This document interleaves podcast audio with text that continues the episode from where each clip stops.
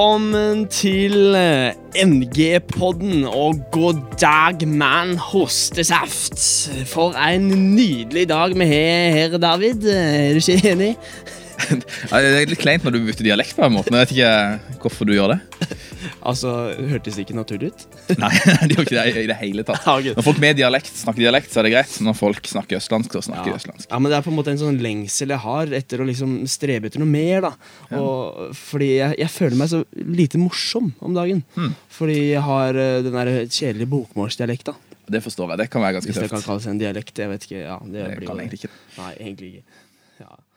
Nei, eh, jeg, jeg prøvde liksom det, og så eh, Ja, det, det funka kanskje ikke helt. Men, eh, men David, hvordan går det med deg? Det, hvordan går det med treninga om dagen? Det, Jo, det Godt ikke kamera her nå. Nei, du, det, går ikke så veldig bra. Jeg har en kompis som er veldig glad i trening. Og for ikke så Ja, det begynner å bli en stund siden nå. Så var vi på trening en gang. er dere kompiser fortsatt? Eller? Ja, så vidt. Um, og du kan si at Det å si at jeg er på trening én gang, det er ikke en sånn fortellerteknikk eller god retorikk, men det er egentlig sannheten. Det, det ble med den ene gangen. Det, som, det som skjedde, det var at uh, han var mye bedre trent enn meg, og tenkte at han skulle han lære meg dette her og gi meg et nytt syn på trening. Så vi, uh, vi sto på, liksom, og vi var i 20 minutter på sånn mølle, sånn tredemølle, i oppoverbakke, og det var ganske tøft. Og da tenkte jeg jo helt ærlig etterpå at nå er vi ferdig, uh, for jeg var ganske pest etter det. Men det var jo på en måte oppvarminga. da. Og Så var det liksom vektløfting og romaskin og alle mulige greier som jeg ikke vet navnet på. eh, Og var ganske utslitt etter det. Så det som, men det som skjer er at jeg får litt sånn selvtillit da, etter å ha trent i to timer. Så tenker jeg at dette her får jeg jo til. liksom. Jeg, jeg klarer å løfte litt tyngre når han hjelper meg og når han holder for meg. og sånt. Så, så dagen etterpå så gikk jeg på trening en andre gang eh, og prøvde dette her på egen hånd. Men det gikk svært dårlig. Hvorfor gikk det her dårlig? Jeg er litt usikker på om det var fordi at jeg hadde litt for stor tro på egne ferdigheter, eller fordi jeg ikke hadde spist frokost. Um, men det som skjedde sånn i halv sju-sju-tida den morgenen, det var at uh, Det var litt skryt at jeg sto opp tidlig. Men det som skjer, er at jeg setter meg på romaskinen og tar litt sånn oppvarming uh, i ti minutter, og så blir alt bare helt blurry. liksom. Helt sånn, Jeg blir helt svimmel. Så jeg tenker at jeg må sette meg ned litt. Så jeg går inn i garderoben, setter meg ned et lite minutt, og så tenker jeg at jeg orker ikke å trene mer. Jeg går i dusjen. Ja. Kler av meg, går i dusjen. Og så blir hele verden rundt meg så tåkete at jeg tenker at jeg må bare sette meg ned litt. Så jeg set- i dusjen? I dusjen, ja. Så jeg setter meg ned mellom dusjen og garderoben. Så bare setter jeg meg ned på gulvet uh, uten håndkle eller noen ting. Og så til slutt så tenker jeg jeg må, jeg må legge meg ned. liksom. Så jeg tar tak i håndkleet. Jeg tror faktisk ikke det var mitt eget håndkle engang. Og bare legger meg på det håndkleet uh, i dusjen. Og så bare ligger jeg der i 15-20 minutter før jeg liksom får energi nok til å komme meg opp igjen.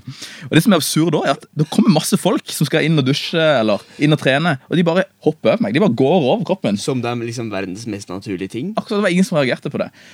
Og det har egentlig ført en ting i etterkant at jeg tør ikke å gå på det treningsstudioet lenger. Jeg er jo liksom redd for å bli, bli sett som han mannen som lå naken eh, og var rar i garderoben. Så det har egentlig gjort at jeg slutta å trene. Hvis jeg noen gang begynte, da. Ja, ok, ja. Det, ja. Det, var, det var fin, fin historie, David. Satt, sant. Vi har faktisk en uh, gjest med oss i dag òg. I dag òg? i dag òg, så vi skal slitt, slippe å sitte her alene og snakke. Selv om det hadde vært hyggelig, det òg, så, så er det jo kjekt å ha besøk av noen som har noe fornuftig å komme med. Ja, det er sant. Vi får håpe den gjesten her har noe fornuftig å komme med. da. Det, Jeg er litt, litt usikker, men uh, vi, vi får satse på at det kan gå bra. Du, eh, dagens gjest han eh, er et eh, ja, stort forbilde av meg, og har fått lov til å jobbe med han i mange år tidligere. Og han har vært tidligere leder av Ny Nasjon, og så har han holdt på med masse andre ting også i løpet av livet sitt. Og eh, den vi skal ønske velkommen nå eh, Nå føler jeg liksom jeg legger opp til en sånn applaus, og det er litt rart å gjøre i studio, men eh, vi skal ta vel imot Espen Gilsvik som gjest. Velkommen, Espen. Hei, jeg tok min egen lille applaus. Ja, det var hyggelig. Hvis du ikke får applaus av andre, så får du ta den sjøl. Nydelig Sånn, sagt. legge, sånn på en, eh, legge på en sånn applausgreie i bakgrunnen. Ja. Det hadde vært vakkert. Ja, det, Ja, det er kult. Litt sånn Friends-stemning. Sånn oh, kunstig ja. publikumsapplaus. Det er alltid, alltid det beste. herlig. Espen, eh, hvis du skulle beskrive deg sjøl med fem ord, hvilke fem ord ville du brukt da?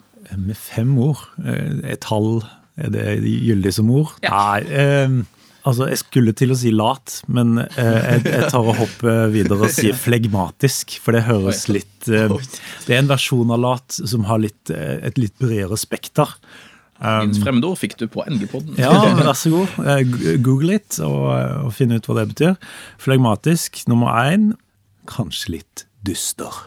Oi, oi, oi, oi. oi. Det er noe mørkt, noe mørkt dypt her inne.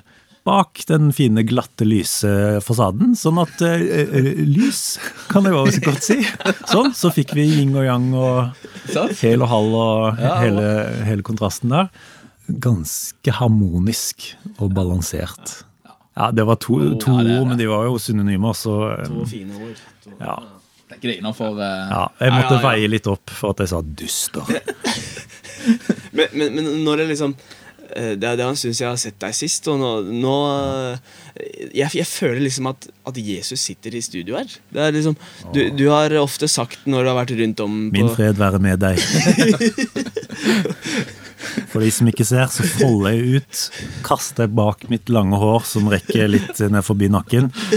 Um, Ja, for du har jo, har jo langt hår og, og langt skjegg. Liksom. Er det liksom for å strebe etter å være lik øyne. Jesus, eller er det Ja, altså jeg har faktisk en eh, sånn gammel sånn skoleplakat. Sånn som man eh, eh, Nå har man jo eh, powerpoints og presi og keynotes og whatnot. Um, før det, da jeg vokste opp, så hadde man noe som heter overhead. Har dere hørt om det? Ja, Så vidt. Ja, vi brukte det i uh, ungdomsarbeidet litt. Grann. Men før det igjen så hadde man sånne plansjer eh, med eh, bilder av eh, ti forskjellige sopparter eller eh, eh, Fra en elograf, liksom. i- Ja, ikke helt sånn. Det er mer søndagsskole, eh, domene. Mens eh, på skolene så var det, det var noen ja, jeg tror jeg bare vil kalle det plansjer. Du finner de i litt sånn retro interiørbutikker. Ja. jeg vet ikke hva stilen kalles engang. det er typisk tysklærer å bruke sånn overhead, er det ikke det? Ja, det, ja, men nå er du tilbake på, til overheten. Ja, ja, Så liksom Ja, ja, eh, nå, ja. Vi hopper litt fram og tilbake i tid. Men poenget på den plansjen som jeg fant på en brukthandel i Danmark, der er det et bilde av Jesus, tolv år gammel i tempel. Den scenen der han var en sånn ordentlig eh, rebell. Tweens som stikker fra mamma og pappa eh, og gjemmer seg i tempelet. Finner på masse ugagn og vet ikke hva han gjør. Men da har han blondt hår og tindrende blå øyne. Så, så eh, på, på sett og vis, ja. Det, det er en viss en viss Jesus-likhet som jeg identifiserer meg med der. Eh, men det kalles òg en ganske etnosentrisk eh, Jesus. altså Gud skapt i vårt bilde. Ja. og det, det vil vi jo ofte. Vi vil ha en tro eh, på noe som er likt oss. og ja. Sånn, jeg For det som er annerledes, det er litt truende, er det ikke det? Ja, det kan jo være det. Vi har brukt inn her så vi ikke er sponsa av bruktbutikker, sånn at vi ikke får noe problem med forbrukerråd i etterkant eh, her. Det kan, kan være greit å si. Helsingør bruktbutikk i Danmark. Ja. Velkommen 73. Gratis ja. snikreklame her, så det er veldig kjekt. Du har jo gått på skole eh, opp gjennom årene, som, som mange andre har. og det som, det som ofte kjennetegner litt sånn barneskole, ungdomsskole og tidlig skolegang, er jo liksom mye rare opplevelser. Eh, jeg sitter her forleden med mange rare opplevelser fra min tid på skole. og det, det jeg lurer litt på, er sånn, hva, Hvilken opplevelse sitter du igjen med som du husker fra din, dine første 10-13 år, 16 år på skole? Ja, altså Det begynner å bli noen år siden, når jeg eh, i mitt 39. år eh, så måtte jeg liksom grave litt, litt for, for å tenke på noe. Og jeg burde jo bare kommet opp med sånne liksom eh, morsomme fun-historier. Litt knuffing og slåssing og ballestanger i skolegården på ungdomsskolen. Um, um, så så det, det var litt sånn tension. Um, husker jeg, men det var, det var mye gøy òg. Men jeg var nok en sånn um, En sånn ung, ung gutt som trakk meg litt unna liksom um, det aller meste av action, i hvert fall på ungdomsskolen. Var ganske usikker på meg sjøl. Så forskjellen for, min del, det var overgangen til videregående og overgangen til, til tro og til Jesus og, og til å være med på leir og, og få en trygghet eh, i det, da. Ja, ja, jeg husker, jeg husker jo annet eh, naturfaglæreren min, eh, biologilæreren, som eh, han prøvde å sprenge en svane. Eh, en levende svane i Breiavann i Stavanger. Det er et lite sånn, altså litt større enn spikersuppa, men eh, ja. Eh, det, det, han hadde jo blitt anmeldt til dyrevernet. Det funker dårlig i 2019, altså. det, ja, det, det, er ting 2020. som i dag Ja, det, det vil ikke ha skjedd. Og i det samme vannet, så, så en vinter så dukka det faktisk opp et lik i, under isen. Så det var jo litt action når det skjedde. Um, ja, Nå sa jeg at det ikke skulle være så dystert. Så sprenger og svaner og. Oi. eh, Ja, ja, ja. Du, du er jo inne litt på dette her med, eh, med troa og hvordan den var med å liksom forme, forme ungdomsårene dine òg. Eh, hvordan på en måte var Espen Gilsvik på eh, ungdomsskole og videregående når det kom til å leve med troa ut på drakta? Hvordan så det ut? Ja. um jeg kan si litt om bakgrunnen min, da. Ehm, jeg har vokst opp i en eh, familie som, eh, som rente seg som kristen og gikk i statskirka. Men det var ikke noe som hadde en vesentlig plass i familielivet. Det var ikke noe som ble snakka eh, noe særlig om. Så jeg gikk nok rundt og tenkte at hvis noen hadde liksom put me in the corner og, og spurt liksom, er du kristen, så hadde jeg jo sikkert sagt ja. Men eh, eh, jeg hadde kanskje gjerne sagt nei òg, fordi det var liksom bare sånne ting man ikke ville forholde seg til. Um, så det, det var en litt sånn ukjent variabel, og, og um, de, de som var mest religiøse eller kristne eller troende, var sånne som man ikke ville identifisere seg så, så altfor sterkt med. Um, og på samme måte så, så var de andre kule gutta som uh, sto og røyka eller uh, slåss, eller uh, hva, hva de nå gjorde. Det, det, jeg passet ikke helt inn der heller, så jeg fant meg til rette i, um, i et krikkmiljø. I, ja, der det var sport og lek og ballspill og en andakt i ny og ne.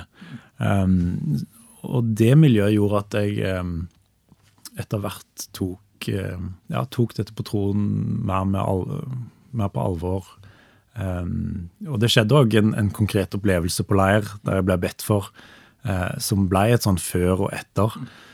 Hva som skjer i sånne opplevelser, er jo vanskelig å liksom, si noe helt definitivt om. Uh, født på ny eller frelst eller Det er jo sånne storord som, som jeg ikke visste hva betydde, eller hva Jeg tror ikke jeg brukte de ordene heller, men det er jo først i ettertid man begynner å fylle det med innhold. Um, så jeg har hørt en som snakker om at en sånn type åndelig opplevelse, det er ikke på en måte en enda en opplevelse i rekke. Altså Før så hadde jeg ti opplevelser i livet, så, så fikk jeg en åndelig opplevelse. Nå har jeg elleve opplevelser, eller erfaringer. Um, men han forklarte det som en erfaring som endrer din erfaring av alt. Uh, og det made litt sense at for meg så ble det en måte å Ikke bare en ny opplevelse eller følelse jeg kunne ha med men det, det var en måte å se verden på en helt ny måte. Um, og ikke minst se meg sjøl, så jeg fikk eh, mye mer selvtillit og, ble mye mer trygg. Eh, så den, den ja, opplevelsen, hvis man skal kalle det det, da, eh, har, har fulgt meg eh, ja, hele, hele livet, da. Og spesielt når eh, Eller da jeg begynte videregående, så, så merka jeg at dette med troen, det er noe som jeg ønsker å leve ut i skolehverdagen og, um, og dele med andre. Hvordan ser det ut da? I første omgang så ble jeg med i Det kristne skolelaget, eh, som det het på 1800-tallet. Eh, nei da, 1996 var det vel kanskje. Så det var vel akkurat i starten av ny generasjon, men dette er Vestlandet, Stavanger, så, um, så alt hadde ikke spredd seg like fort, fort dit. Um, men da, da, ble jeg med i skolelaget og fant et fellesskap. Og um, eh, altså Jeg husker første gang jeg var på en andakt og vi skulle ha det de kalte for klemmebønn. Da skulle 15 Det er ikke noe metoo, altså. Eh, Det greit å vite. bønn og sex det, ja, Nei da. Eh, klemmebønn det var sånn at man skulle stå i ring eh, og holde hender. Og så eh, var man veldig sånn var på det at eh, det skulle være frivillig å be. Ingen skulle presses til å be høyt hvis de ikke ville. og jeg, jeg tror aldri jeg hadde bedt høyt i mitt liv, så det var, det var på en måte greit nok. Men taktikken var da at du kunne klemme hånda til eh, sidemannen din hvis du ikke ville be, men du vil bare sende anledningen videre. da. Eh, så noen ba, og så klemte de, og så sendte de videre. og så, så kom det til slutt til meg, da, og jeg klemte jo så hardt jeg kunne i begge ender. Eh, så jeg tror folk ble litt sånn usikre på ja, hvems bønn det var nå. Eh, jeg var fortsatt liksom usikker på hvordan jeg skulle formulere det her med tro. Men allikevel, til tross for den klemminga, eh, de bønnestundene og de andaktene de hjalp meg å eh, kanskje bli komfortabel med å ta del i et miljø der troen var en del av samtalen og praksisen. Og, eh, og det gikk ikke så veldig lang tid før jeg begynte å tørre å be høyt i denne klemmerunden. Mm. Etter hvert når du begynte liksom å kjenne mer at det her, det her er noe jeg vil tro på og, og vil gå for, møtte du liksom mye motstand på, på skolen når du, når du viste det? Uh, ja Jeg kan si ja, ja, og nei til det spørsmålet. Fordi skolen vår var nok ganske eh, polarisert. Eh, ganske inndelt i grupper. Eh, den het Kongsgård, Stavanger katedralskole. Der er eh, Her i byen så, så het, eh, heter det Katta. Og det fins noen sånne katedralskoler i, i, noen av de store byene. jeg har lagt merke til at, at det er noen eh, fellestrekk med, med, flere av disse skolene. Det er veldig mange som eh, er veldig politisk aktive og politisk bevisste. Gjerne i, eh, i venstre, venstresiden, da. Og eh, det er veldig mange kreative folk. Mange som driver med teater og eh, ja, musikk og, og, sånne ting. Um, så jeg husker På vår skole så var det alltid Rød Ungdom som vant skolevalget. Uh, jeg tror det er sånn til en dag i dag. Eh, men interessant nok så kom alltid KrFU på, på andreplass. Eh, så det var liksom Det var et ganske tydelig skille der. Og på den tiden så, så var det nok sånn at hvis du var inspirert av sosialisme eller kommunisme og, og, og, de tingene, så var det en viss likhet med at da, da var du mer på det religiøse spekteret, så var du mer på et ateistisk eller agnostisk eh, standpunkt. da. Eh, så det var en sånn naturlig Det, var to store poler. Eh, og for øvrig så hadde du Unge Høyre, som besto av Birger i C-klassen. Så han var liksom Ja, det, det, var, det, var, ikke mange andre muligheter, da. En helt som sto aleine.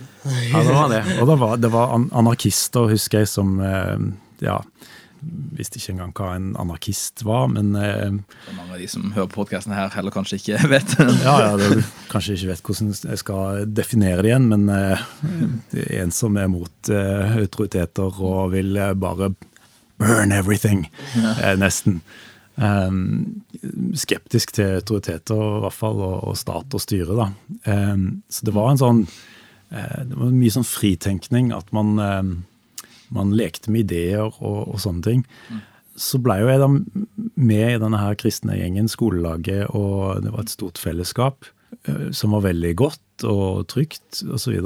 Men til dels så, så, kunne man liksom sett utenfra, kanskje.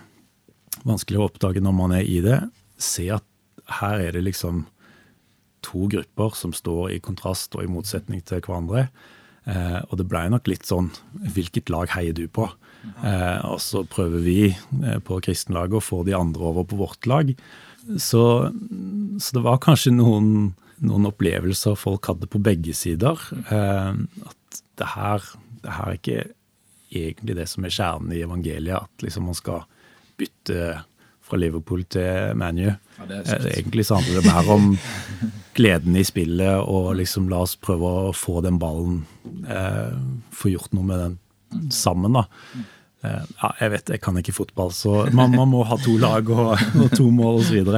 Um, men akkurat den polariseringen, um, det var nok Vi var nok med å forsterke, forsterke det, uh, vi kristne òg. Og det har jeg ettertid tenkt var, var litt synd. For da, da, mister man på en måte litt kjernen i evangeliet. At det, det handler ikke om at um, den andre skal bli som deg. Uh, Jf. Mitt, mitt, bilde av en blond, eh, blåøyd Jesus. Mm. Eh, det, det, å eie, altså Ingen av oss eier Jesus, ingen av oss eier troen. Mm. Um, men uh, så er jeg redd for at, at, vi, i tillegg til masse positivt som, som vi gjorde, vi, vi, hadde litt den der eksklusive tanken der at det var vi som hadde skjønt og hadde, hadde svaret, da. Uh, mens, mens, jeg tenker mer åpent at ja, men den tilhører alle. Um, og så kan det være vanskelig å finne ut av uh, hvordan det ser ut, men um, ja, det, det, det, er jo noe som, som, ligger der, selvfølgelig. Uh, og det å kunne ha et arbeid som er ja, åpent for alle og tilgjengelig for alle, og der alle kan føle seg velkommen, er jo en kjempeviktig viktig bit av den nye generasjonen er òg. Um, men dette her det, det, det, skjedde jo på en måte noe på ungdomsskolen og videregående som òg gjorde at du på et eller annet tidspunkt engasjerte deg i, i ny generasjon gjennom uh, ja, Jeg har faktisk ikke helt koll på hvor mange år, men 15-16 eh, år kanskje i ulike, ulike roller og funksjoner. Ja, stemmer det. Eh, kan du ikke fortelle litt om, eh, om hvorfor, du har, hvorfor, du valgte å liksom bruke jeg vet ikke, nesten halvparten av livet ditt så langt på, på, på dette her? Tenk seg til. Um, jo, og der, der, er nok mye av motivasjonen Det er den grunnleggende erfaringen av, av det å bli elska og ja, oppleve troen på Jesus som noe så meningsfullt og noe så virkelig. Eh, at det begynte der, da. Eh, og så kan jeg si at eh, jeg hadde noen år som misjonær. Jeg var i Skottland og planta menighet, eller kanskje forsøkte å plante menighet. Lettere sagt enn gjort. Um, og opplevd noen skuffelser uh, også, uh, med tanke på menighet og tro og, og slike ting. Men tro det eller ei, så så ble Ny generasjon en slags arena der, der jeg opplevde at her var det litt mer senka skuldre. Sammenligna med, med, noen av de miljøene jeg hadde vært i tidligere. Eh, og også sammenligna med hvordan jeg sjøl var veldig Jeg var en veldig sånn aktivist, idealistisk type. Um, så det husker jeg en av de som, som jobba der. Han, han sa noe sånn som at eh, her i Ny generasjon så er det viktig for oss å, eh, med to ting. Mye Jesus og mye moro. Eh, og det er utgangspunktet for denne podkasten, faktisk. Sånn omtrent. Så det, det, ja, jeg merker det. Um, og det, det, er denne balansen der mellom liksom arbeid og lek, eller mm. orda et labora. Det, det, det å kunne jobbe med mennesker og jobbe med å dele tro på en ganske sånn avslappa måte. Eh, der en først og fremst er opptatt av møtet mellom mennesker. Um, mer enn liksom møtet mellom teorier og ideer. Um, det, det, var nok viktig. Uh, og det at Ny generasjon var tverrkirkelig arbeid. Uh, Sjøl så, så, var jeg en sånn ungdom som var overalt i de menighetene som, uh, som fantes i Stavanger, der jeg vokste opp. Um, og aldri hatt en sånn voldsom forpliktelse eller lojalitet til en konfesjon eller et kirkesamfunn eller et miljø. Jeg har følt meg hjemme veldig mange plasser, eh, og kan fortsatt gjøre det. Så, så det blei Også da jeg sjøl begynte å få ansvar og, og lede ting i en generasjon, så merka jeg at det, det at vi samler, vi samler, bredden av alle som, eh, som, har lyst til å slutte opp om eh, Jesus-historien og kalle seg kristne, eller liksom hvordan de, de definerer det det var, det var, viktig for meg at dette er stort nok til å romme mange. Og i tillegg det som, det som hun hadde med å praktisere evangeliet. Ikke, ikke bare som en At det å tro på evangeliet altså Når vi snakker om ordet tro, så, så er det ofte synonymt med hva, hva, er det vi tenker i hodet vårt at vi tror og er enig i. Eh, av informasjon om Gud og Jesus og Bibelen og kirke og etc. Um, men tro for, eh, for, for, jødene på Jesu tid, det var ikke bare en sånn hodetro. Det var noe man gjorde. Derfor kalte man bl.a. Eh, eh, Jesu etterfølger for disipler, ikke for elever eller studenter. Som en mye mer sånn gresk filosofisk tanke, eller pedagogisk tanke. At man sitter hos en eh, filosof og på en måte får masse undervisning. Mens for jødene så var det for en disippel eller en lærling da, å følge sin rabbi, sin mester, eh, og ta etter det eksempelet i praksis. Eh, for det vi tror i hodene våre, det kan jo endre seg fra ja, i hvert fall fra meg, fra når jeg står opp til å få min første kaffekopp til ja, Før etter der. ikke sant? Hvis man er litt duster og litt deprimert, og, eller liksom, og så drar man og treffer noen venner og blir glad. altså eh, Jeg Sikkert sikker tro er det samme som følelser, men, men eh, av og til så, så er det et eh, litt sånn tryggere anker å orientere etter. At, ja, men, men det handler òg om det jeg gjør, det jeg praktiserer og setter ut i livet. da. Eh, så annet det med eh, å spre godhet på skolen, det med gode gjerninger, det å, å tenke at en ny generasjon, eh, en gruppe, skal være, skal være noen som gjør skolen til et bedre sted. Uansett hva folk tror eller ikke tror, eller ja. Det som jeg eh, har sett, vi, vi, har en perm på kontoret med litt sånne gamle avisutklipp og litt sånne gamle mediasaker. Um, og nå skal ikke jeg prøve liksom å komme med en analyse av Espen Gilsvik sin, uh, sin, utvikling i lederskap og, og liv, men Jo, jo, er på det. men det er kanskje tydelig å se at liksom fra starten av 2000-tallet med litt kanskje Det er alltid to sider av en sak, og alltid en journalistside og en annen side, men der man har eh, avisartikler fra er flere sider av en sak. Ja, absolutt. absolutt. Der man har avisartikler fra f.eks. Blinderen og eh, intervju med Espen i forskjellige settinger som eh, kanskje kan virke litt sånn litt polariserende noen ganger. Litt sånn uh, Dette er det vi står for. Uh, mye kjører på. Mye over greie. Jeg tar ansvar. Jeg legger meg flat. og, Nei, men, men, så, uh, liksom utover Så har jeg jo sett liksom i 2010, 2011, og jeg husker en, en sak helt i starten når jeg begynte å jobbe i Ny generasjon. Ganske godt. Der jeg tror det var VG, ganske bra VG som som ville ha en kommentar i forhold til liksom, muslimske organisasjoner og bønnerom på, på BI og Blindern. Eh, der du liksom gikk ut og var ganske tydelig på at eh, du er mye, mye støtte at de også skal få lov til å be og få lov til å leve hele livet og få lov til å tro på det de tror på. Eh, så der har du på en måte Jeg lurer litt på hvordan, hvordan var den reisen liksom, mens du gikk i, du jobba i Ny generasjon? Hvordan så utviklinga di ut i lederskapet og det du sto i?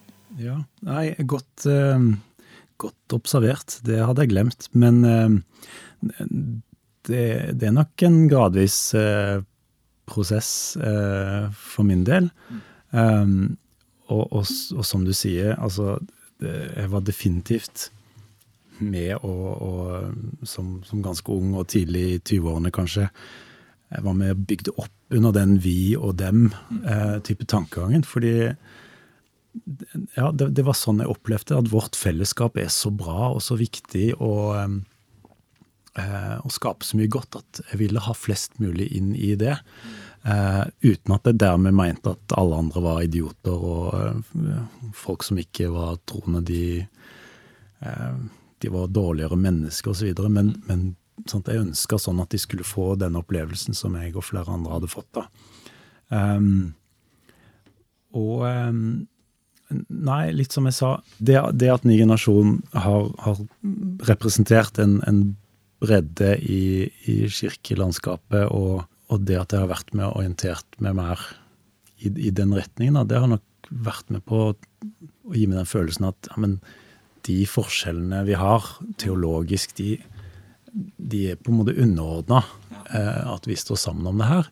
Og når du nevner muslimer og folk fra andre trosretninger, så tenker jeg at eh, ok, så klart så er det grunnleggende teologiske og, og dogmatiske forskjeller mellom en, en, som kaller seg kristen, en muslim, eller, eller hva som helst. Um, men så kan jeg jo snu litt på det, at ok, først så er vi mennesker. Dernest så kommer disse liksom, identitetene våre. Det å være kristen eller tilhøre en eller annen konfesjon er ikke min første identitet. Det er jo først et menneske. Og det er jo det andre mennesket jeg møter med sin uh, hudfarge eller øyenfarge eller uh, sin type stil og klær. Um, det kan jo være sånne hindre som gjør at jeg tenker at å ja, du tilhører det politiske partiet eller den fløyen, eller å ja, du hører på den musikken, eller å ja, du tror på den guden eller de gudene, eller ikke noen gud i det hele tatt. Um, og det er jo lagt litt sånn for at vi skal orientere oss i verden og tenke at ja, er dette trygt? Dette mennesket, kan jeg, er det tillits... Uh, uh, skaper jeg tillit um, ved min væremåte og motsatt overfor det mennesket? Men jeg tror Jesus var en ekspert på å bare bryte de barrierene der. Han snakka med den kvinnen ved brønnen, som eh, helt klart var liksom marginalisert i, i, det samfunnet. Både hun var kvinne, hun var samaritaner. Eh, og det kan tyde på at hun levde liksom et umoralsk liv ifølge liksom standarden til de andre i landsbyen. Mens Jesus bryter de barrierene. da. Um, så, så, så, jeg ser det jo både som at det å bli klar over at Jesus tok en sånn rolle overfor folk, uansett hvilken kategori de uh, hørte til, og, og, det å faktisk gå ut i verden og, og møte folk, det er jo med på å forandre deg. Det er jo, det er jo bra for, for de ungdommene som går på, på skolene nå. Det er jo lenge siden du gikk på skole, og det er jo lenge siden Jesus levde her på jorda. Men eh, det er kanskje de samme utfordringene man møter, møter nå på skolen eh, for de ungdommene som går der nå. da. Jeg vil tro det. Mm. Altså for, for, å ta et sånn Jeg vet at det er et betent tema, men, men øh, homofile, hvordan møter vi de? Hvis man har en konservativ tanke om, om seksualitet eh, og, og, disse tingene eh, som handler om legning, så vil man jo liksom hele tiden ha, ha det med seg. Fordi det er så viktig for en. Og, og nå sier jeg ikke noe om liksom hva folk eh, på podkasten skal tro og ikke tro og mene og sånn om det. Men kan vi ikke bare ta oss og legge det litt bak oss uansett hva vi mener, og liksom møte menneskene først? Mm. Um, ja, det er mennesker det handler om. Går ikke an å møte folk med teorier og dogmer, først og fremst. Da, da, det blir et hardt møte. Det blir som to bøker som bare klasjer sammen, og det er ikke veldig fruktbart. Sant. Eh, vi hadde i, i fjor et uh, to år siden kanskje, et uh, frekonsept i Ny generasjon der vi snakka om klimaforandring. Om hvordan vi som kristne er med og skape et annet klima, da, fordi at uh, Gud skaper et nytt klima gjennom oss. Um, og der, der, var det liksom en, en, del fokus på dette her, sant, behandle folk likt. Uh, og kunne, sant, uansett hvilken legning man har, eller hvilken tro man har, eller hvilket politisk ståsted man har, så er det allikevel liksom det er plass og det er rom nok, uh, og man kan behandle dem på lik måte som man behandler folk man er enig med alltid. Um, og det tror jeg er en sånn en greie som som kanskje liksom den unge generasjonen er bedre på enn uh, en godt voksne folk noen ganger, og kan være forbilde i det, men uh, samtidig noe som vi trenger å minne oss sjøl om, tror jeg. Ja, det handler jo det om å være, være gode influensere. Uh, og det er jo et prekenkonsept vi har nå i år, som ja, som handler om det at Jesus var, var en av de beste forbildene og de beste påvirkerne. og at vi får lov til å ta, ta en del i den det, det vi òg.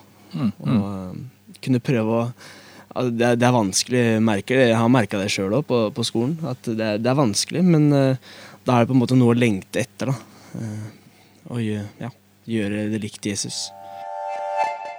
Når vi nå har snakka liksom om, om både litt din reise i ny generasjon og hvordan det har sett ut, så, så jeg tenker litt på liksom etter etter ny generasjon, hva har du tatt med deg liksom, og videre i livet? Hva har du lært av de årene du, du jobba med ny generasjon? Det var et veldig stort spørsmål. Ja, veldig stort, men nei, jeg, drar det litt ned tilbake igjen til det møtet mellom mennesker. Ja. Um, masse rent praktiske og tekniske ting jeg har lært.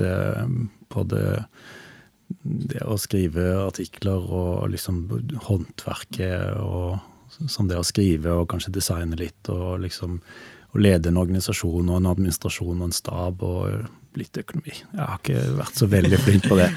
David har tatt den, den hatten bedre, og andre. Men det var først og fremst mennesker jeg var interessert i når jeg begynte i Ny generasjon, og det er det jeg fortsatt eh, er interessert i og, og, tok med meg ut.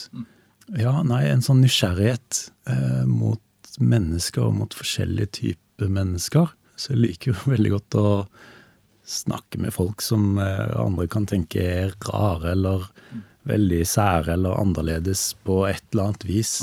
Eh, det å liksom Da jeg som ung kristen var liksom mest opptatt av at jeg må få fram mitt budskap, og liksom hadde nesten en sånn smørbrødliste eh, med de evangeliske tankene og ideene som man ville gi videre. og gjorde det òg til tider så, så, har jeg sett mye mer av hvis jeg skal si evangeliet, da, som er gresk og betyr gode nyheter, at det fins i det møtet som går begge veier. da. At um, det handler ikke bare om en sånn overførsel, eh, enten av ord eller vibber eller telepati eller hva, hva det nå er.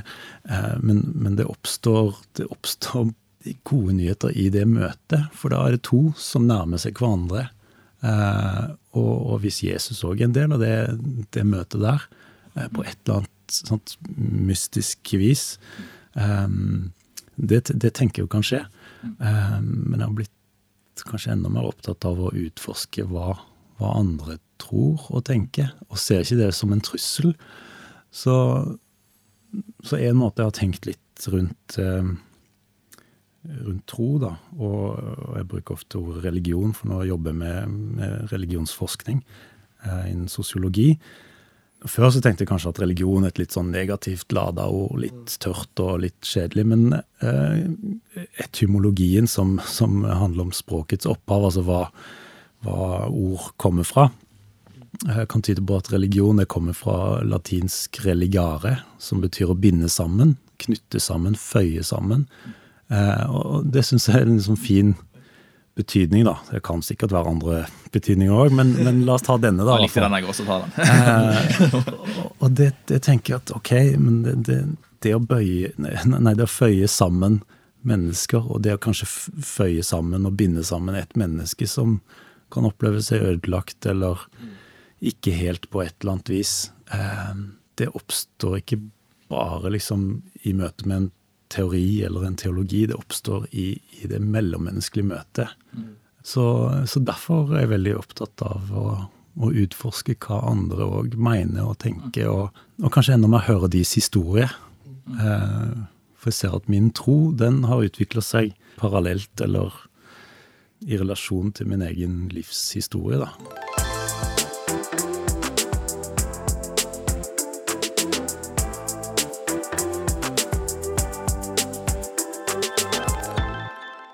Spalte! David, du har vært uh, ute på tur, du. Du har uh, Ja, det er jo en måte å si det på. Ja, ja, som, på som, nett. Ja, på nett. Ute på tur, ja. Man kan være ute på tur eh, mange steder. Men uh, du har vært og gravd litt i type historier og funnet noe liksom noen spicy skoler rundt omkring, som du er i hver episode. Hva har du funnet, funnet til oss i dag? Du, I dag så skal vi ned til et av Biffens hjemland, eh, nemlig Argentina. Aha. Som jo hjemlandet til en eh, snart pensjonert fotballspiller med navn Lionel Messi. Eh, Han blir aldri, aldri pensjonert. Nei, og det er sikkert mye annet fint Argentina har å by på. Um, har noen vært i Argentina før? Her? Jeg har vært nesten der. Det som, er, det som er spennende i Argentina, det, dette her er litt sånn kobla mot fotball òg. Uh, oh. Det passet fint om vi hadde Espen på besøk. Men Espen har sett en fotballkamp sammen i vårt liv. Og jeg vet ikke om du følte så mye med. Men, Nei, det har jeg fortrengt. Ja, Det, fortrengt. det var en tøff, uh, tøff dag. Jeg tror jeg studerte supporterne mer enn uh det tror jeg òg. Jeg skjønte ikke helt offside-reglene, og sånt, men det, det, kan vi heller komme tilbake til senere. Det som er greia, det er at i Argentina, i, eh, på River Plate sin stadion i Buenos Aires, så er det sånn at det fins en skole samtidig som det er et av de største fotballstadionene i Sør-Amerika. Det er plass til over 70 000 på stadion. Og så er det også undervisning som foregår på skolen der. Så de har en skole på stadion, og der er de ca. 2000 elever. Wow. Det er jo litt sært at det, liksom, det er ganske stort, stort vekstpotensial i den skolen. tenker jeg. Det er liksom Mye uutnytta plass eh, når det ikke er publikum. Jeg regner ikke med det er så fryktelig mange som sitter på tribunen og ser på skolen. Det Nei, ja, det, det, kan nok hende at det ikke er. Men er, er liksom Var det 70 000 plasser? Var det så? Mm, cirka det. Ja, ok. Så da kan man egentlig ha sånn forelesning eh, midt på banen? Man kan, kan, faktisk det. Det ville vært en ganske kul opplevelse. Jeg tror ikke du klarer å følge med så ekstremt godt da, men Nei, uh, ja. Det er mulig. Også kan jo være litt sånn uh, utfordrende dette her noen ganger òg. At en del av sesjonene de, uh, de, går samtidig som det er fotballtrening. Og Dette er bydd på mange utfordringer på denne stadion. Der det er både vanskelig forhold til si, gym og garderobefasiliteter. Det er vanskelig forhold til kantine. der det er ganske mye å ha 2000 stykk i kantina, fordi vanligvis er du 30 fotballspillere der. på en måte. Eh, så det er en del sånne logistikkgreier med den stadion. Du sa gym. Er ikke det det letteste å gjøre på en fotballbane? Jo, men Problemet er jo når de andre har trening, eh, så er det jo veldig vanskelig at de andre skal liksom Ja, blande ja, seg inn. men her, en liten skokk med småunger som springer rundt eh, stjernene, det er jo bare gøy. Altså det, det, var, det var sånn jeg erfarte at jeg var god i, god i fotball. Det var å kunne drible førsteklassingene. Ja. Det blir bare klingefotball. Tror du at dette her er en skole du hadde gått på liksom, i barndommen din hvis den hadde fantes i Stavanger? Eh, ja det, Kanskje du har altså, likt fotball bedre. mitt, eh, min, min sånn flegmatiske, leslate natur hadde jo gjort at jeg kunne gjemme meg liksom helt øverst på tribunen eh, og være eh, bakerste elev. Nei, jeg var ganske flink student, egentlig. eh, Men eh, så jeg, så jeg ville nok ha kjørt hvert fall strategien å gjemme seg litt i en crowd. Det, det som er kult, da, Nå skal vi ikke gå inn liksom, i forskning for mye på denne stadion, men det har vært noen eh, argentinsk forskning på dette her området for å se lære disse elevene mer enn elever som sitter i et vanlig klasserom. Og det har det vært litt sånn tilbakemeldinger på at de mener at dette kreative læringsmiljøet som stadionet faktisk er, stimulert og hjulpet elevene til å lære mer, og mange av de har liksom fått heftigere jobb i etterkant enn det folk kanskje på tilsvarende skole, eller ikke tilsvarende, men tilsvarende nivå da, har gått på. Liksom når de har eksamen, så sitter de og ser ut på fotballbanen og bare Åh, ja. liksom. Så dette her er ganske, ja, ganske spennende, spennende skole. Og jeg tenker hvis du er fotballinteressert, så flytt til Argentina. Og så kan du gå på skole på stadion.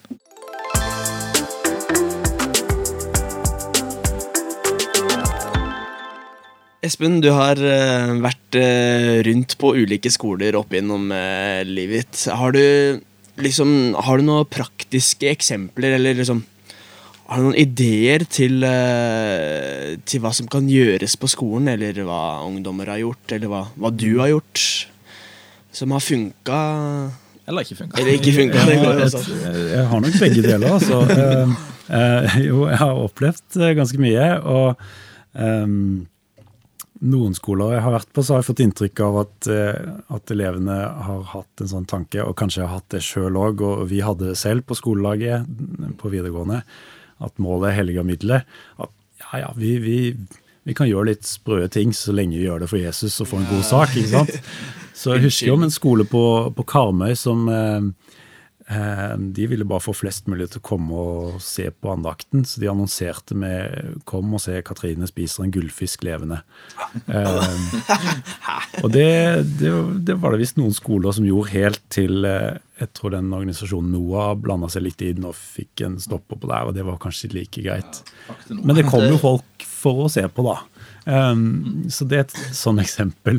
Eh, men det kan jo òg være et eksempel på at middelet slår litt beina under selve målet og det man ønsker å, å bidra med.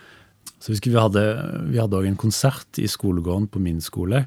Eh, det var under eh, Det var en sånn dag da russen Det var en offisiell dag da russen fikk klærne sine, russedrakten, og skulle liksom vise fram det og sånn.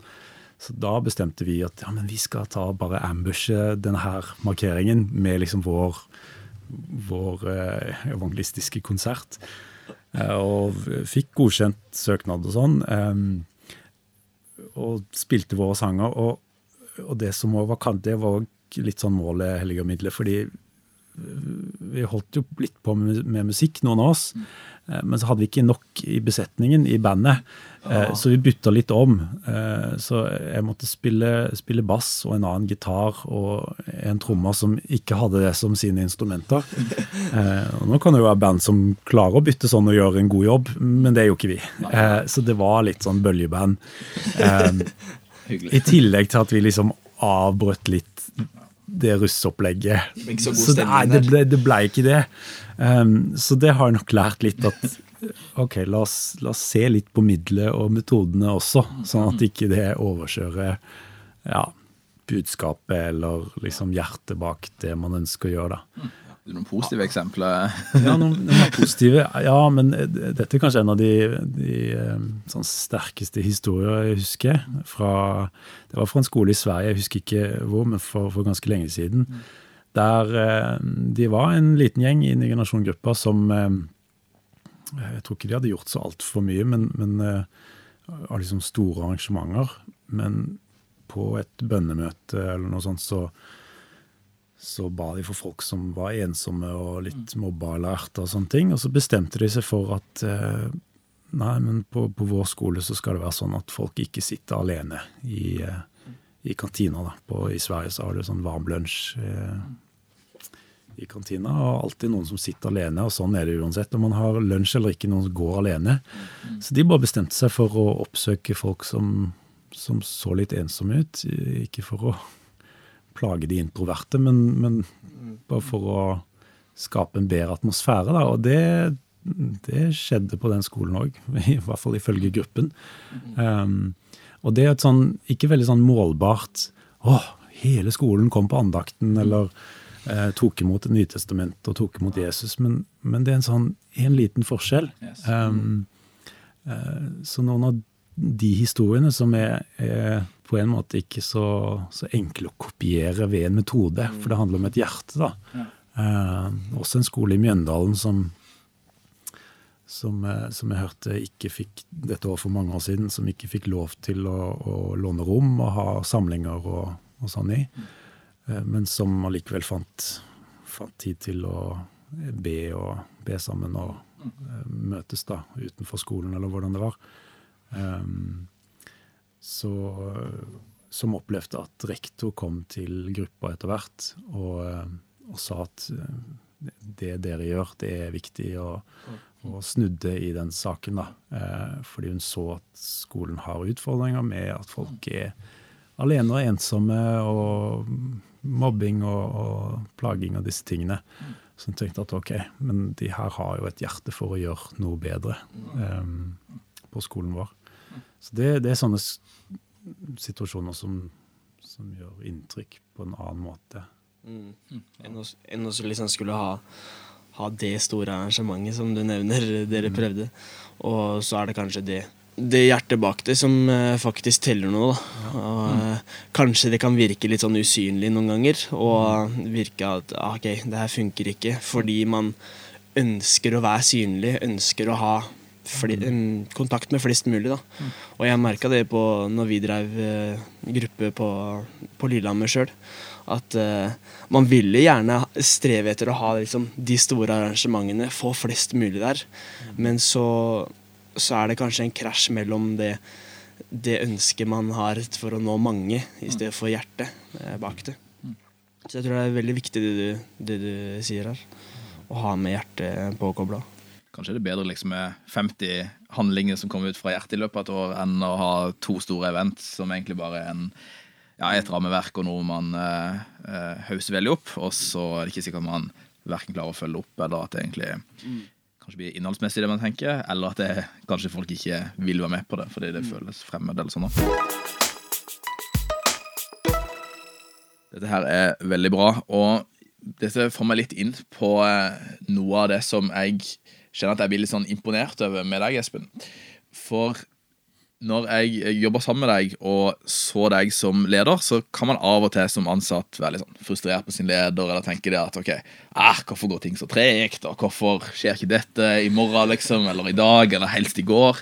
Um, og så når man sjøl etter hvert sitter og skal ta disse avgjørelsene og bestemme seg for hva skal man gjøre, og hvordan ser dette ut? Um, så ser jeg meg sjøl veldig i speilet igjen og tenker det at oi, nå, nå, bruker jeg mye lengre tid enn det Espen noen gang gjorde på, på en del av disse prosessene og, og greiene som, som, man ofte går igjennom da, som organisasjon, og eh, når man skal jobbe med noe som er så visjonært og framoverlent, og som samtidig vi ønsker skal være trygt og godt og sunt eh, og bærekraftig for, eh, for alle ungdommene som, som, er med i det. Så dette her er kanskje liksom 10 000 kroner spørsmål som eh, vi håper liksom du har fasiten på.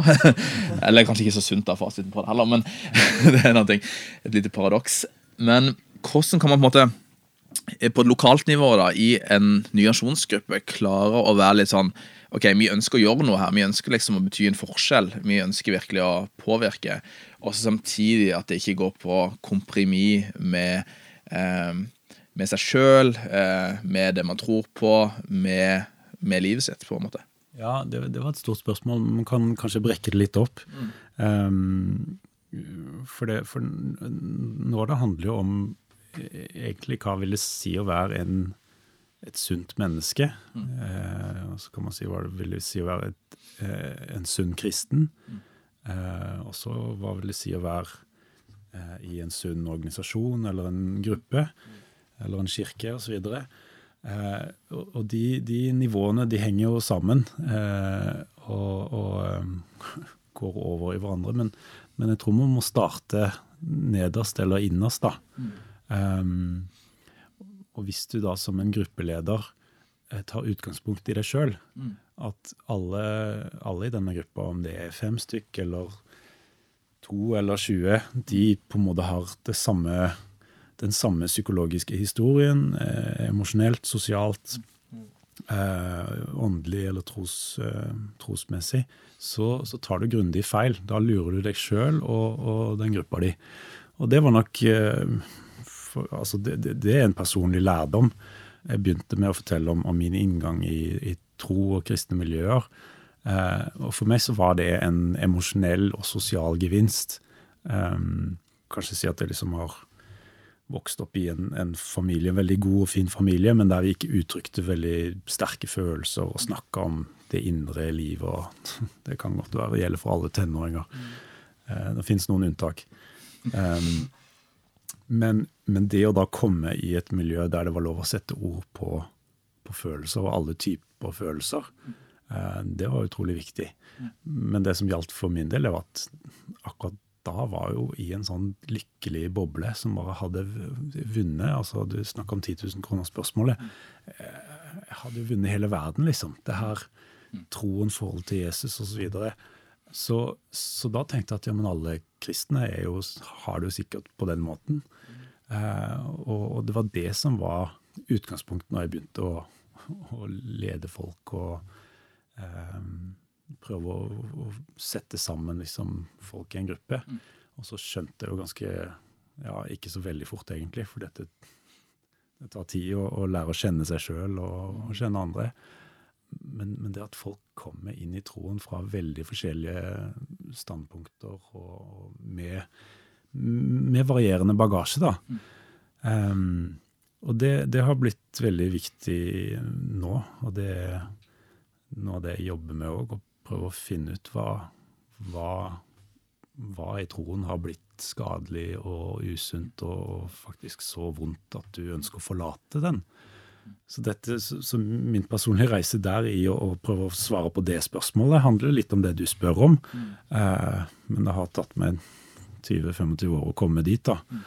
Um, så, så, jeg tenker en grunnleggende en grunnleggende interesse og, og hjerte fordi man bygger eh, en, en ny generasjongruppe sammen med. Det, det, må du ha i bunn.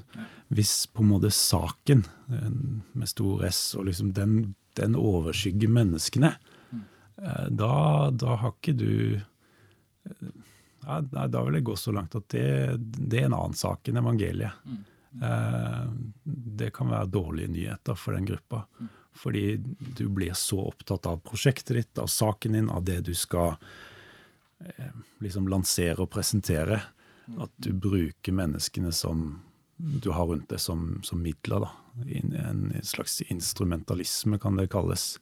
Og da kan du jo argumentere så mye du vil for at ja, men saken er så viktig, og, det er et så godt formål.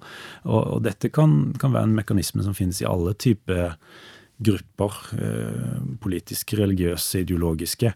Eh, men det er når den ideologien eller troen eller politikken blir viktigere enn det enkeltmennesket, da har man allerede gått seg litt vill.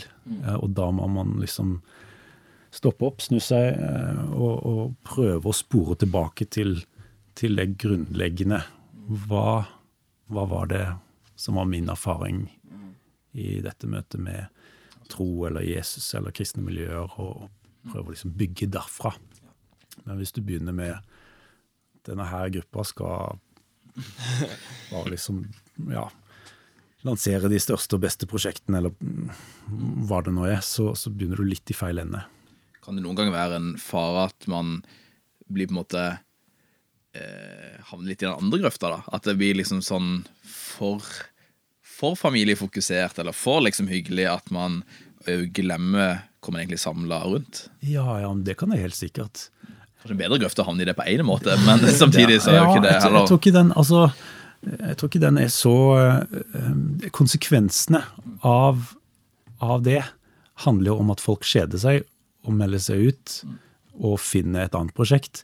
Så, da, så, så jeg anerkjenner det at, at det er et visst eh, drive og en, en idealisme og engasjement hos ungdom som, som eh, det er liksom antennbar, da.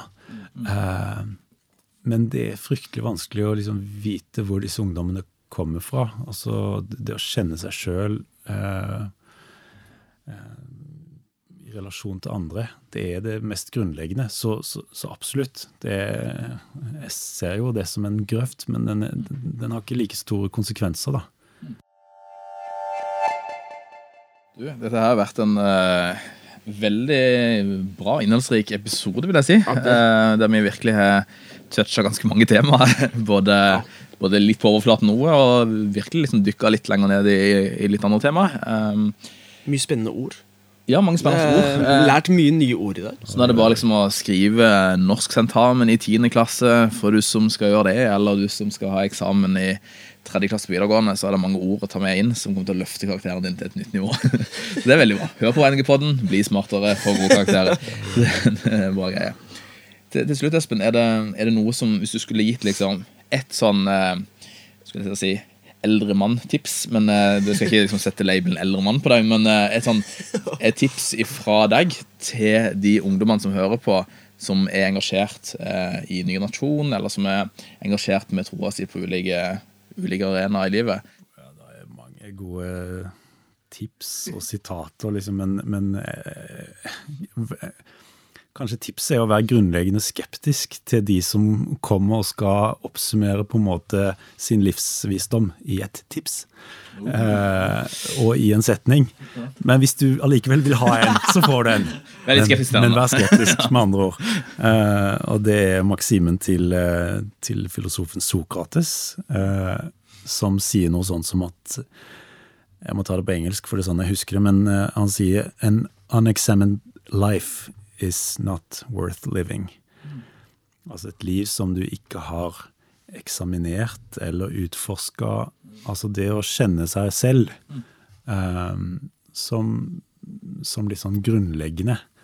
Um, og, um, og det tenker jeg òg handler om ja, at Gud har skapt oss til hele mennesker med alle våre krinker og kroker og altså en hjerne som vi knapt liksom har begynt å skrape litt i for å skjønne hvordan henger sammen og, og, og hvilke effekter den har. Um, men det å kjenne seg sjøl i relasjon til andre og i relasjon til Gud, det, det tror jeg er en øvelse som er verdt å bruke litt tid, i hvert fall. Særlig som ung. Vi skal la det være liksom siste ordet for i dag. Eh, Tusen takk Espen Gilsvik for at du tok deg tid i en eh, travel hverdag til å komme her og drodle med oss. Og eh, Vær så god. tusen takk til du som lytter på. Følg oss gjerne på sosiale medier. Også til neste gang vi snakkes, så husk at din skole er din mulighet. Bless you.